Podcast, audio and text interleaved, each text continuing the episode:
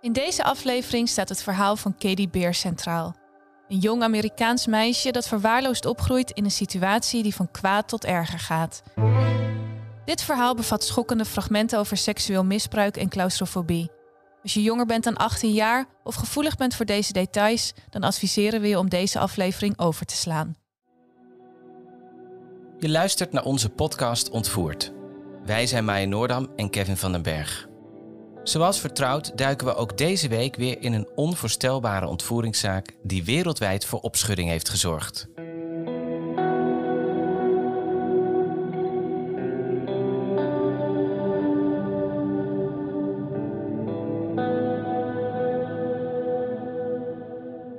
Ben je overigens benieuwd naar beeldmateriaal bij deze zaak? Kijk dan op onze Instagram-pagina Ontvoerd de podcast. Dit is Ontvoerd, aflevering 24 in de drup.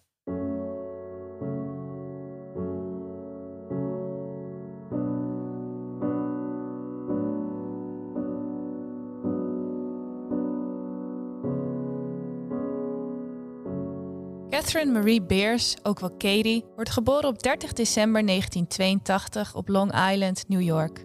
Haar moeder heet Marilyn en haar vader is niet in beeld. Marilyn weet ook niet wie Katie's vader is en dat is moeilijk voor haar dochter. Katie weet niet wie hij is en waar hij is, dus het is onmogelijk om een relatie met hem op te bouwen. Haar moeder Marilyn is een harde werker en heeft twee baantjes. Maar zo hard als dat ze werkt, zo slecht is ze als moeder. Als Katie twee maanden oud is, vraagt Marilyn aan Katie's peetmoeder Linda of zij even op haar kan passen. Ze is moe en wil wat tijd voor zichzelf. Maar ze komt Katie niet meer ophalen en laat haar wekenlang bij Linda en haar man Salvatore, die Cel wordt genoemd, achter. De eerste twee jaar van haar leven gaat Katie heen en weer tussen haar moeder Marilyn en haar peetouders. Dan wordt de situatie permanent. Ze gaat fulltime bij Linda en Cel wonen. Marilyn zegt dat het stel Katie niet meer wil teruggeven, maar andersom claimen zij dat Marilyn Katie gewoon niet meer wil hebben.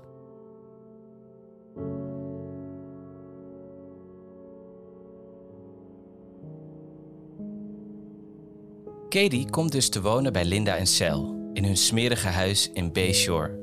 Het is niet een fijne plek voor een kind om op te groeien. Eigenlijk had Katie door de hele situatie in pleegzorg geplaatst moeten worden, maar dat gebeurt niet. Linda en Cel moeten de tweejarige Katie een veilige plek bieden, maar ze wordt vanaf het begin fysiek, verbaal en emotioneel mishandeld. Cel is een gewelddadige man. Hij slaat Katie, haar halfbroer John en zijn eigen vrouw. Op een dag is hij zo boos dat hij Katie's kat vermoordt door zijn kop tegen de muur te smijten. Hij laat Katie kijken terwijl het gebeurt. Linda en Cel behandelen Katie als slaaf. Vanaf het moment dat ze kan lopen, moet ze heel veel taken in huis doen: stofzuigen, schoonmaken, afstoffen en de was.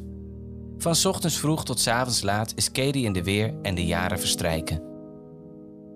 Ze moet er steeds vaker op uit om sigaretten en junkfood te kopen voor Cel en Linda.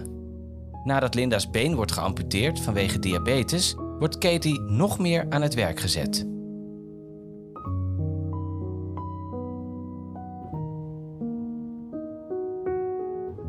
Op een avond komt ze thuis met de verkeerde pizza en Linda is woest hierom. Ze pakt Katie bij haar haren en slaat haar herhaaldelijk met volle kracht op haar rug. Katie leert al snel dat haar wil irrelevant is. Ze moet op de bank slapen en wordt verwaarloosd. Dit wordt opgemerkt door de mensen die haar vaak zien, vooral op school. Katie verschijnt vaak ongewassen en draagt bijvoorbeeld zomerkleding terwijl het hartje winter is. Het is niet dat Linda en Cel arm zijn. Ze geven heel veel geld uit aan eten en sigaretten, maar zijn niet bereid om een winterjas voor Katie te kopen. Ook krijgt ze geen eten mee of geld om dit op school te kopen. Ze heeft vaak honger. Ook heeft Katie gele, rottende tanden vanwege gebrek aan verzorging.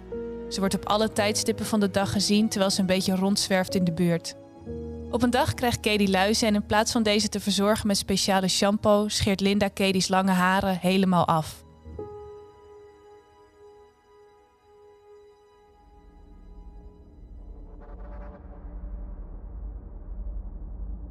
Door hoe Katie eruit ziet en hoe ze ruikt, heeft ze jarenlang geen vrienden. De lokale kinderen noemen haar vieze Katie en kakkerlakkind. Het meisje is heel eenzaam en geïsoleerd en niemand in haar omgeving trekt aan de bel bij de juiste instanties. Katie mist haar moeder en kijkt naar de liefdevolle manier waarop haar klasgenootjes behandeld worden door hun ouders. Daar verlangt ze ook naar, de liefde en geborgenheid van haar moeder. Op een avond sluiten Linda en Sal Katie op in de voorraadkast, omdat ze naar de film gaan. Als ze uren later thuiskomen, heeft de kleine Katie in haar broek geplast. Linda slaat haar in elkaar en drukt een sigaret uit op haar arm. Alsof de mishandeling nog niet erg genoeg is, blijkt de zwaarlijvige cel ook een seksuele sadist en pedofiel te zijn. Dus vanaf het moment dat de tweejarige Katie bij hen komt wonen, begint hij haar al te misbruiken. Op dat moment is ze nog zo jong dat ze nog niet eens complete zinnen kan zeggen. Hij wacht elke avond tot iedereen naar bed is en misbruikt haar dan. Eerst raakt hij haar alleen aan terwijl hij zelf masturbeert. Maar als ze ouder wordt, moet ze ook meedoen met seksuele handelingen. Na een paar jaar begint Cel ook met het verkrachten van het jonge meisje. Katie weet niet goed wat er met haar gebeurt, maar ze voelt zich er niet goed bij. Daarom probeert ze zich s'avonds te verstoppen, maar Cel gaat dan naar haar op zoek en vindt haar elke keer weer. Katie heeft inmiddels één vriendin gemaakt. Op een dag spelen de meisjes bij Katie thuis en dan vertelt Cel dat de twee buiten voor zijn slaapkamer aan moeten gaan staan. Terwijl Katie's vriendinnetje naar binnen kijkt, trekt Cel zijn kleren uit tot hij helemaal naakt is en hij vraagt aan het meisje of ze met hem wil spelen. Het meisje rent gillend weg. Cel is boos op Katie dat haar vriendin hem niet heeft bevredigd, dus hij verkracht haar dan maar. Het is Katie's straf omdat ze hem geen extra kinderen heeft bezorgd om te misbruiken. Het vriendinnetje van Katie gaat naar huis en vertelt haar ouders wat er is gebeurd. Vanaf dat moment mag zij nooit meer met Katie spelen, dus Katie's enige vriendin verdwijnt uit haar leven. De ouders van het meisje bellen jeugdzorg en die nemen contact op met Linda en Sel om wat vragen te stellen. Ze kiezen ervoor om Katie vragen te stellen in een kamer waar ook Linda en Sel zijn, dus het meisje is doodsbang en weet niet wat ze moet zeggen. Ze is bang voor wat er gebeurt als ze de waarheid vertelt, dus ze kiest ervoor om te liegen. Ze zegt dat haar vriendinnetje het hele verhaal heeft verzonnen en de zaak wordt gesloten.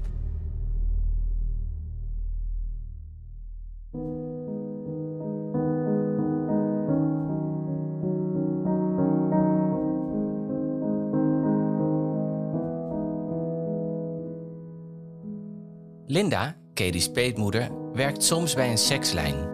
Op een gegeven moment is ze hiervoor aan het werk en ze is bezig met een erotisch gesprek. Dan zegt ze tegen degene aan de andere kant van de lijn dat ze een klein meisje naast zich heeft liggen. Katie moet vervolgens van Linda tegen hem praten. Tijdens het gesprek worden er vreselijke dingen tegen haar gezegd en Katie begint te huilen. Op dat moment slaat Linda haar in haar gezicht. Ook laten Linda en Cel Katie naar porno kijken. Ze moet Cel aftrekken als hij porno kijkt en Linda bevredigt zichzelf met Katie naast zich. Het leven is zwaar voor Katie. Daarom gaat ze vaak naar het huis van buurman en familievriend John Esposito. Hij staat bekend als Big John, omdat hij eigenlijk een groot kind is. Hij heeft zijn huis omgetoverd tot speelparadijs. Volgens Katie een speelgoedwinkel, snoepwinkel en pretpark in één. Esposito heeft een inloopkast in zijn slaapkamer gevuld met bordspellen en videospelletjes en er is een kleine koelkast gevuld met frisdrank. Hij laat kinderen spelen met talloze spelletjes, geeft ze snoep en limonade. Het is een favoriete plek voor lokale kinderen om tijd door te brengen naar school. Er is wel maar één televisie waarop de kinderen de videospelletjes kunnen spelen en die staat in zijn slaapkamer.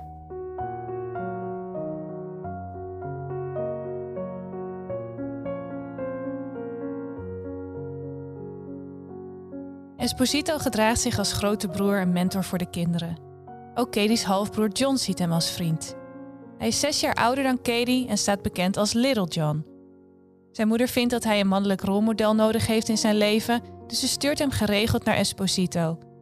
Daarom gaat Katie ook vaak mee op tripjes met de twee. Ze vindt Big John aardig, want de man geeft haar vaak cadeautjes, iets wat ze thuis niet gewend is. Maar helaas is er een duistere reden waarom Esposito zich zo gedraagt en zijn huis heeft omgetoverd tot een kinderdroom. Hij is een pedofiel en seksueel roofdier.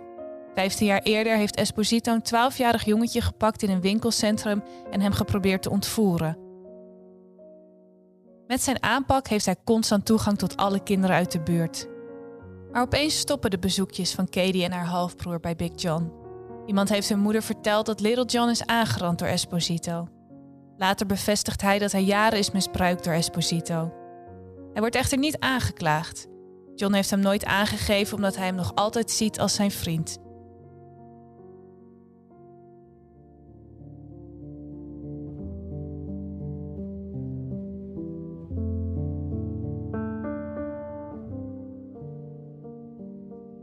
Wanneer dit gebeurt is Katie 9 jaar oud. Ze woont op dit moment deels bij haar peetmoeder Linda en deels bij haar biologische moeder Marilyn. Er is een strijd om de voogdij gaande en zelfs misbruik van Katie is aan het licht gekomen. Hij wordt aangeklaagd nadat Marilyn aangifte tegen hem heeft gedaan. Er wordt een contactverbod tegen hem uitgevaardigd en Cel mag geen contact meer hebben met Katie. Ondanks deze situatie gaat ze nog wel op bezoek bij tante Linda, zoals haar peetmoeder noemt. Ze organiseert een verjaardagsfeestje voor Katie en zij verblijft daarom de dagen van tevoren bij Linda. Cel woont niet meer in het huis, want ook Linda heeft een contactverbod tegen hem aangevraagd. Katie's moeder Marilyn vertrouwt Linda, maar geeft Katie wel duidelijke instructies mee. Als Cel of Esposito verschijnt, moet ze direct de politie bellen. Maar Marilyns vertrouwen in Linda blijkt ongegrond. Cel is namelijk gewoon aanwezig in het huis en ook Esposito komt langs. Katie weet dat ze van haar moeder niet bij de twee mannen in de buurt mag komen, maar het jonge meisje heeft amper macht in de situatie. Linda lijkt ook totaal niet bezorgd te zijn. Zij vindt Esposito een aardige man en laat hem gewoon bij Katie in de buurt zijn. In aanloop naar haar tiende verjaardag heeft Esposito al meerdere malen geprobeerd om Katie alleen te krijgen. Bijvoorbeeld wanneer Linda slaapt. Hij probeert Katie mee te lokken uit het huis met snoep en speelgoed. Maar haar moeder heeft gezegd dat het verboden is om bij de man te zijn, dus Katie weigert steeds. Maar Linda zorgt ervoor dat Esposito toch zijn zin krijgt. Op 28 december 1992, een paar dagen voor Katie's tiende verjaardag, zegt Linda tegen Katie dat Esposito haar meeneemt voor een verrassing. Het gaat om een vroeg verjaardagscadeautje. Katie spreekt haar zorgen uit over de situatie en zegt dat haar moeder het haar heeft verboden. Maar Linda staat erop. Ze zegt dat ze het niet aan haar moeder gaan vertellen en dat Katie straks mooie dingen krijgt. Het is het waard om te gaan. Dus uiteindelijk staat Katie machteloos en ze doet wat haar wordt gezegd.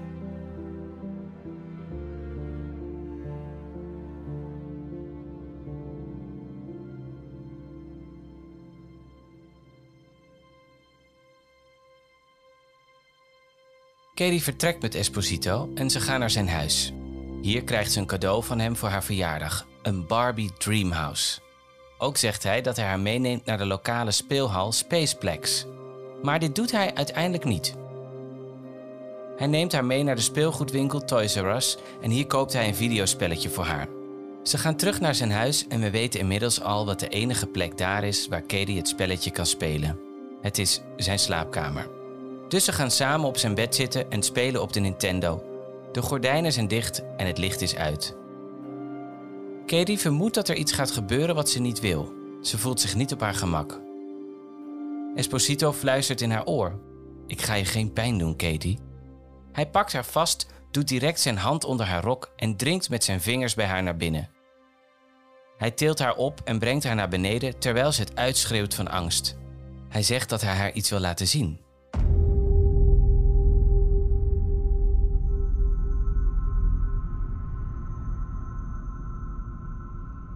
Hij neemt haar mee naar zijn kantoor in de garage en schroeft een boekenkast los van de muur. Terwijl hij bezig is, belt Katie heel slim het alarmnummer met de telefoon in zijn kantoor. Maar helaas, hij heeft haar door en trekt de telefoon uit haar handen. Hij schreeuwt: Raak die telefoon niet meer aan. Hij gooit haar tegen de muur, waar ze langs spijkers in de muur naar beneden glijdt en de huid van haar rug wordt opengereten. Hij schuift de kast opzij, rolt het tapijt weg en er verschijnt een zwaar betonnen luik. Het is zo zwaar dat Esposito het met een katrol omhoog moet trekken. Hierdoor wordt er een verticale schaft onthuld en hij schreeuwt tegen Katie dat ze naar beneden moet gaan. Katie realiseert zich dat dit een vreselijke situatie is en dat ze niet moet doen wat hij zegt, maar hij is veel groter en sterker dan zij. Hij pakt haar op en gooit haar het twee meter diepe gat in. Dan moet Katie kruipen door een krappe tunnel van nog geen 2 meter lang en ruim een halve meter hoog naar een klein deurtje.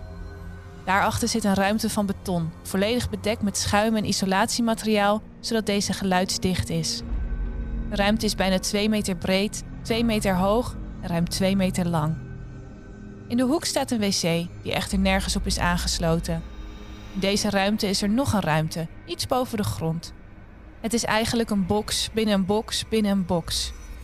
Deze ruimte is niet veel groter dan een doodskist. De muren zijn bedekt met eierdozen, waardoor het ook hier geluidsdicht is. Ook zit er een hangslot aan de buitenkant van de kleine ruimte.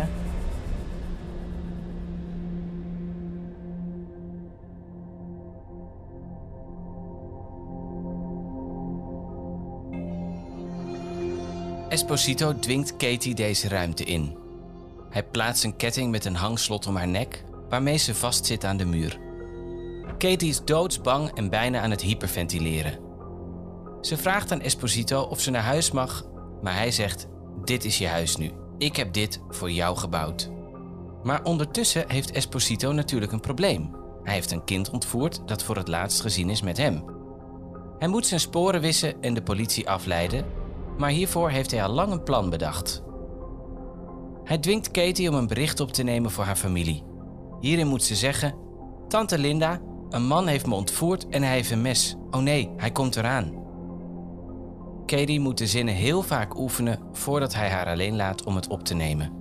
Tijdens de opname laat Katie een lange pauze vallen na het inspreken van de verplichte zinnen en fluistert dan: Big John heeft me meegenomen.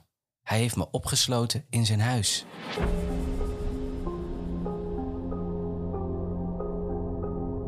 Maar wanneer Esposito de opname afluistert, hoort hij wat ze heeft gedaan. Hij hoort haar geheime bericht en slaat haar direct vol in het gezicht.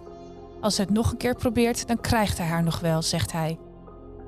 Dus Katie neemt het bandje opnieuw op, zonder geheime boodschappen dit keer. Hiermee gaat Esposito naar de speelhal Spaceplex, waar hij doet alsof hij op zoek is naar Katie. Hij gaat naar de manager en zegt dat hij haar is kwijtgeraakt. Vervolgens gaat hij naar een betaaltelefoon en hij belt Linda. Hij krijgt haar voicemail en hierop speelt hij de opname van Katie af. Hij hoopt dat hij de politie op het verkeerde been zet hiermee en dat ze denken dat Katie is ontvoerd door een onbekende. Linda laat de voicemail aan de politie horen en die zijn heel erg wantrouwig. De opname heeft geen achtergrondgeluid en dat is heel erg verdacht. Het klinkt alsof het bericht is opgenomen in een geluidsdichte ruimte, dus dat impliceert dat ze is opgesloten door haar ontvoerder. Maar hoe kan ze dan nog toegang hebben tot een telefoon?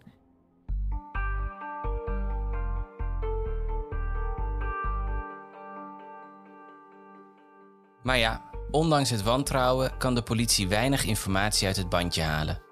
Twintig minuten nadat Esposito dit telefoontje heeft gepleegd, belt hij Linda. Hij huilt heel erg hard aan de telefoon en hij vertelt haar dat hij Katie kwijt is. Hij doet er op deze manier alles aan om buiten de verdenkingen van de politie te blijven. De autoriteiten zetten direct na de verdwijning van Katie een grote klopjacht op. Het wordt breed uitgemeten in de media en er wordt een grote campagne op poten gezet. Katie zit ondertussen nog altijd in de kleine ondergrondse gevangenis. Ze herinnert zich dat ze anderhalf jaar geleden met andere kinderen heeft gespeeld in een groot gat in de grond van Esposito's huis. Nu realiseert ze zich dat dit onderdeel was van de ontwikkeling van de bunker waarin ze nu zelf zit opgesloten. Esposito heeft Katie's ontvoering heel erg lang gepland. Hij heeft een ondoordringbare, onvindbare gevangenis ontworpen om haar op te sluiten. Hij wachtte de laatste jaren alleen nog op een kans om Katie te grijpen. In de kleine ruimte waarin ze wordt vastgehouden is er alleen een zwart-wit tv'tje en een luchtbed. Het is bloedheet in de kleine ruimte onder de grond en Katie is constant vastgebonden aan de muur. Ook probeert Esposita haar handboeien om te doen, maar ze is zo klein dat deze van haar polsen afglijden. Het is compleet donker in de bunker en ze hoort geen geluiden van buitenaf. Katie wordt voornamelijk opgesloten in de kleinste ruimte van de bunker en heeft daarmee geen toegang tot de wc in de andere ruimte. Dat betekent dat ze het einde van haar matras moet gebruiken als toilet en dat ze in de geur van haar eigen urine en uitwerpselen moet verblijven. Ze gebruikt een dekentje om zich af te vegen.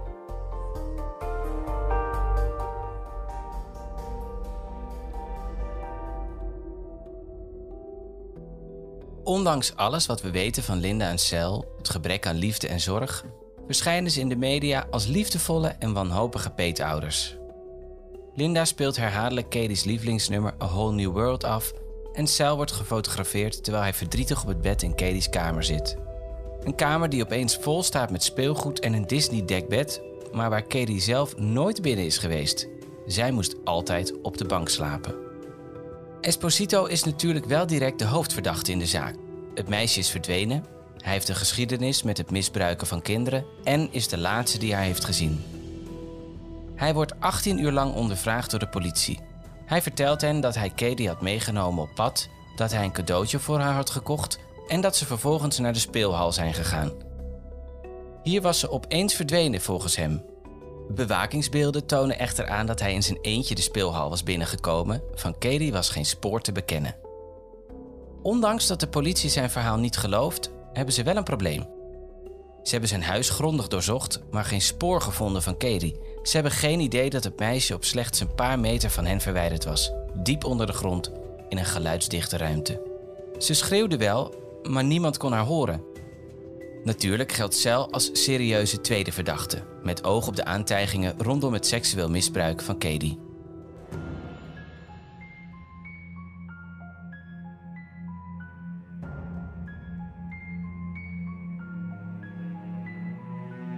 Vanaf dag 1 van haar gevangenschap wordt het duidelijk waarom Esposito Katie heeft ontvoerd. Hij vraagt haar of ze al eens seks heeft gehad en Katie vertelt wat Cel met haar heeft gedaan. Esposito is er blij mee. Hij vindt het fijn dat ze ervaring heeft. Dus binnen een paar uur na haar ontvoering verkracht hij haar en doet dit vervolgens elke dag. Hij neemt dan speelgoed of een pakje sap mee en vergrijpt zich aan haar. Katie krijgt junkfood en snoep om te eten en frisdrank om te drinken. Ze wil niets weten van het eten dat Esposito voor haar kookt, want ze is bang dat hij dit heeft vergiftigd. Ook speelt hij constant het nummer I Will Always Love You van Whitney Houston af, een liedje dat net is uitgekomen. De dagen verstrijken en Katie brengt haar tiende verjaardag vastgebonden door in een ondergrondse gevangenis. Ze zingt zachtjes Happy Birthday voor zichzelf.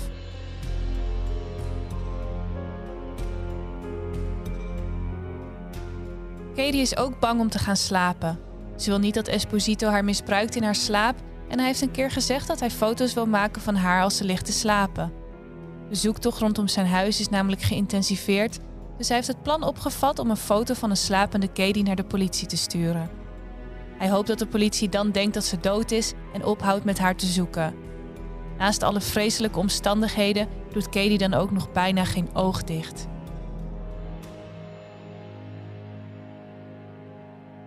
Maar Katie is sterk. Ze heeft al jaren van mishandeling en misbruik overleefd en ze is daarom slim. Haar overlevingsinstinct dwingt haar tot een strategisch plan. Alles wat ze heeft meegemaakt gebruikt ze in haar voordeel. Ze begint mindgames te spelen met Esposito. Elke mogelijkheid die ze heeft, bombardeert ze hem met vragen. Hoe ga ik naar school? Hoe ga ik werken? Hoe gaan we trouwen? Hoe gaan we kinderen krijgen? Door hem na te laten denken over de toekomst, maakt ze hem bang en onzeker. Ze vertelt ook dat ze van hem houdt en dat ze hem in haar leven wil, maar wel alleen als hij haar laat gaan. Hij zegt dat hij ook van haar houdt en dat hij haar heeft opgesloten om haar veilig te houden. Hij vertelt haar dat ze gaan trouwen als ze 18 is en dat hij haar net zo lang beneden houdt tot iedereen haar is vergeten. Ze hoeft niet naar school, ze gaan gewoon trouwen en kinderen krijgen terwijl zij opgesloten zit. Ik ga voor je zorgen, zegt hij. Op een gegeven moment begint Esposito over zelfmoord. Dat maakt Katie doodsbang. Want als hij zelfmoord pleegt, dan is er niemand die weet waar ze zit en niemand die voor haar kan zorgen. Ook is ze bang dat als hij zelfmoord pleegt, hij haar eerst vermoordt.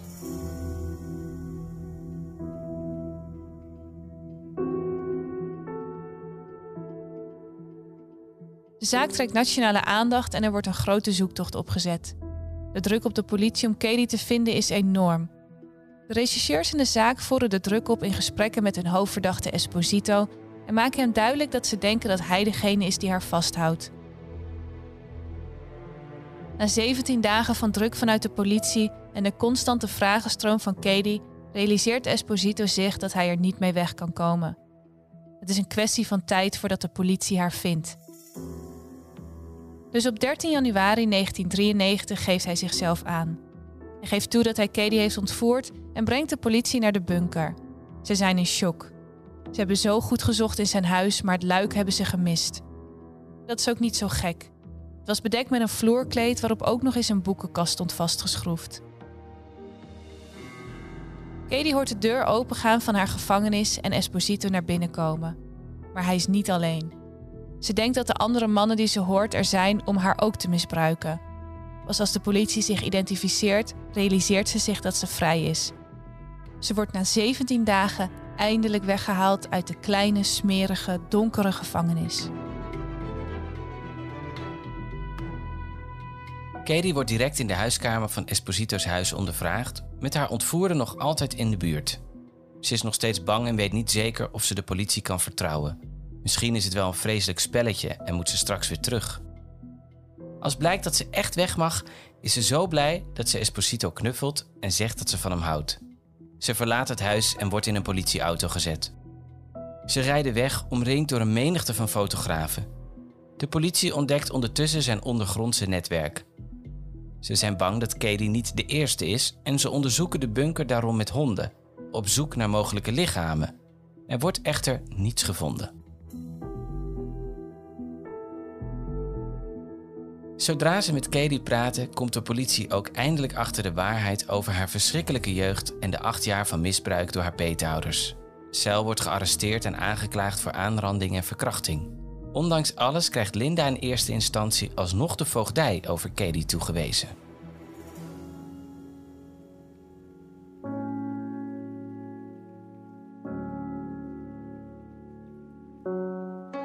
Op 16 juni 1994 sluit Esposito een deal met de politie. Hij krijgt die kans omdat ze Katie een rechtszaak willen besparen. Hij bekent de eerste graads ontvoering van Katie in ruil voor een lagere straf. Bij eerste graads ontvoering hoort ook een vorm van seksuele marteling, maar door de deal die hij sluit wordt hij nooit veroordeeld voor seksueel misbruik. In de rechtszaak probeert zijn advocaat verzachtende omstandigheden op te werpen. Esposito was een tweeling, maar zijn broer was verongelukt op hun moeders verjaardag. Hij was vaak ziek als kind en had een overdreven beschermende moeder. Hij bleef bij haar in huis wonen tot ze stierf en daarna begon hij met het bouwen van een ondergrondse gevangenis voor kinderen. Esposito wordt veroordeeld tot 15 jaar gevangenisstraf, maar hij vraagt herhaaldelijk voorwaardelijke vrijlating aan. Op een gegeven moment stelt hij in een hoorzitting hiervoor dat hij aseksueel is dat hij Katie alleen heeft gekust en niet misbruikt en dat hij daarom eerder vrijgelaten moet worden. Een andere keer zegt hij: Het spijt me wat ik heb gedaan, het was een foutje.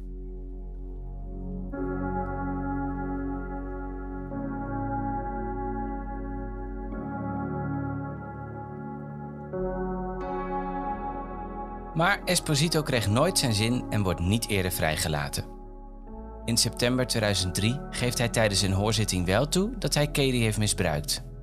De dag daarna sterft hij in de gevangenis aan een hartaanval. Katie zegt daarna: Ik ben verdrietig om het verlies van een leven, maar ben blij dat John Esposito nooit vrij kan komen en niemand anders meer pijn kan doen. Cel wordt ook aangeklaagd voor seksueel misbruik en in het gevaar brengen van een kind. Ook hem wordt een deal aangeboden: strafvermindering in ruil voor zijn bekentenis. Maar Cel weigert. Hij zegt dat hij onschuldig is en dat Katie liegt. Dat betekent dat het tot een rechtszaak komt waarin Katie moet getuigen. Dat is heel erg heftig voor haar. Ze is flink getraumatiseerd en ze kan niet alle details delen. Gelukkig wordt hij toch veroordeeld tot 12 jaar. Jaren later, tijdens een hoorzitting voor mogelijk vervroegde vrijlating, geeft Cel Katie de schuld van het misbruik. Hij wordt in 2006 vrijgelaten, maar verbreekt binnen een jaar de voorwaarden voor zijn vrijlating en moet terug naar de gevangenis. Hij was namelijk verhuisd, maar had zich in zijn nieuwe woonplaats niet geregistreerd als zedendelinquent. In 2009 sterft ook hij in de gevangenis aan een hartaanval nadat hij medische behandeling had geweigerd. Katie zegt hierover: Ik was blij toen hij doodging. Ik vind het erg dat ik het moet zeggen, maar ik heb hem nooit kunnen vergeven. Hij heeft nooit spijt getoond en gaf mij de schuld van alles wat er is gebeurd. Linda werd nooit aangeklaagd.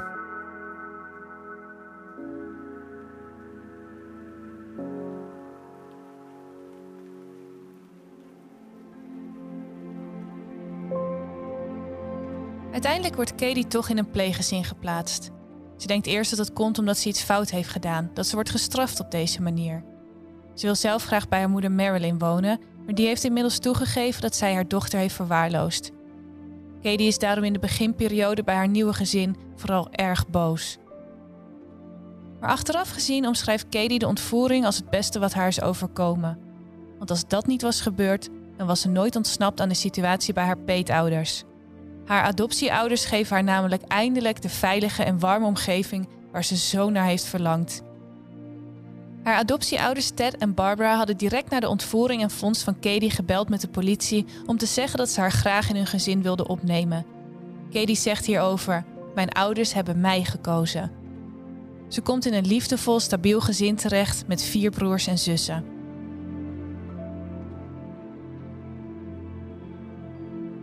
Voordat ze begint op haar nieuwe basisschool, krijgen alle leerlingen de opdracht om haar niet te vragen naar wat er is gebeurd. Maar kinderen zijn nu eenmaal nieuwsgierig en stellen Katie volop vragen. Ze beantwoordt ze allemaal en wordt daardoor al snel een normale leerling. Eindelijk. Na een eerste beginperiode, waarin er natuurlijk extra rekening met haar wordt gehouden, wordt Katie al snel hetzelfde behandeld als haar nieuwe broers en zussen. Discipline, routine, naar school gaan en kleine klusjes in huis. Het hoort er allemaal bij. Maar het gaat nu natuurlijk om kleine taken, niet meer de werklast die ze had toen ze nog bij Linda en Cel woonde. Op een dag doet Katie iets verkeerd en krijgt ze huisarrest voor het eerst in haar leven. Ze is gewend dat ze in elkaar geslagen wordt als ze een stap verkeerd zet. Dus ze is verbaasd en stiekem ook blij met het huisarrest. Barbara leert haar hoe ze haar tanden moet poetsen en Ted hoe ze moet koken. En misschien nog wel het belangrijkste, ze houden Katie weg bij de media. Als ze later naar de middelbare school gaat, wordt ze aanvoerder van het volleybalteam, tennist ze veel, speelt ze toneel en heeft ze een vast vriendje.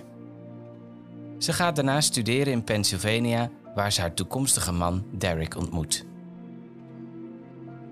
Ze behaalt haar diploma in business management en krijgt een baan als salesmedewerker in een verzekeringskantoor. Ze trouwt met Derek en wordt moeder van Logan en Haley. Als haar kinderen nog jong zijn, heeft Katie het soms lastig. Ze ziet hun jonge lichamen en denkt aan zichzelf in die periode en alles wat ze heeft moeten meemaken. Maar ze doet er alles aan om haar kinderen de jeugd te geven die ze zelf nooit heeft gehad. Ze is van plan om op een dag haar verhaal aan hen te vertellen. Katie heeft weinig contact met haar biologische moeder Marilyn en haar halfbroer John. Ze heeft een boek geschreven, Buried Memories, over haar jeugd en het misbruik. Nu voert ze campagne voor andere slachtoffers met als doel het stigma te verwijderen rondom de schaamte van de slachtoffers. Zij moeten gewoon naar voren kunnen stappen zonder schaamte. De dader moet zich schamen, zo pleit Katie. Ze vertelt over haar leven. Ik probeer niet verdrietig te zijn over wat er is gebeurd, want ik ben heel erg blij met wie ik vandaag ben en ben gelukkig met mijn leven. Het is uiteindelijk precies wat ik wilde. Ik heb twee ouders die van me houden, geweldige broers en zussen en een lieve man en twee kinderen.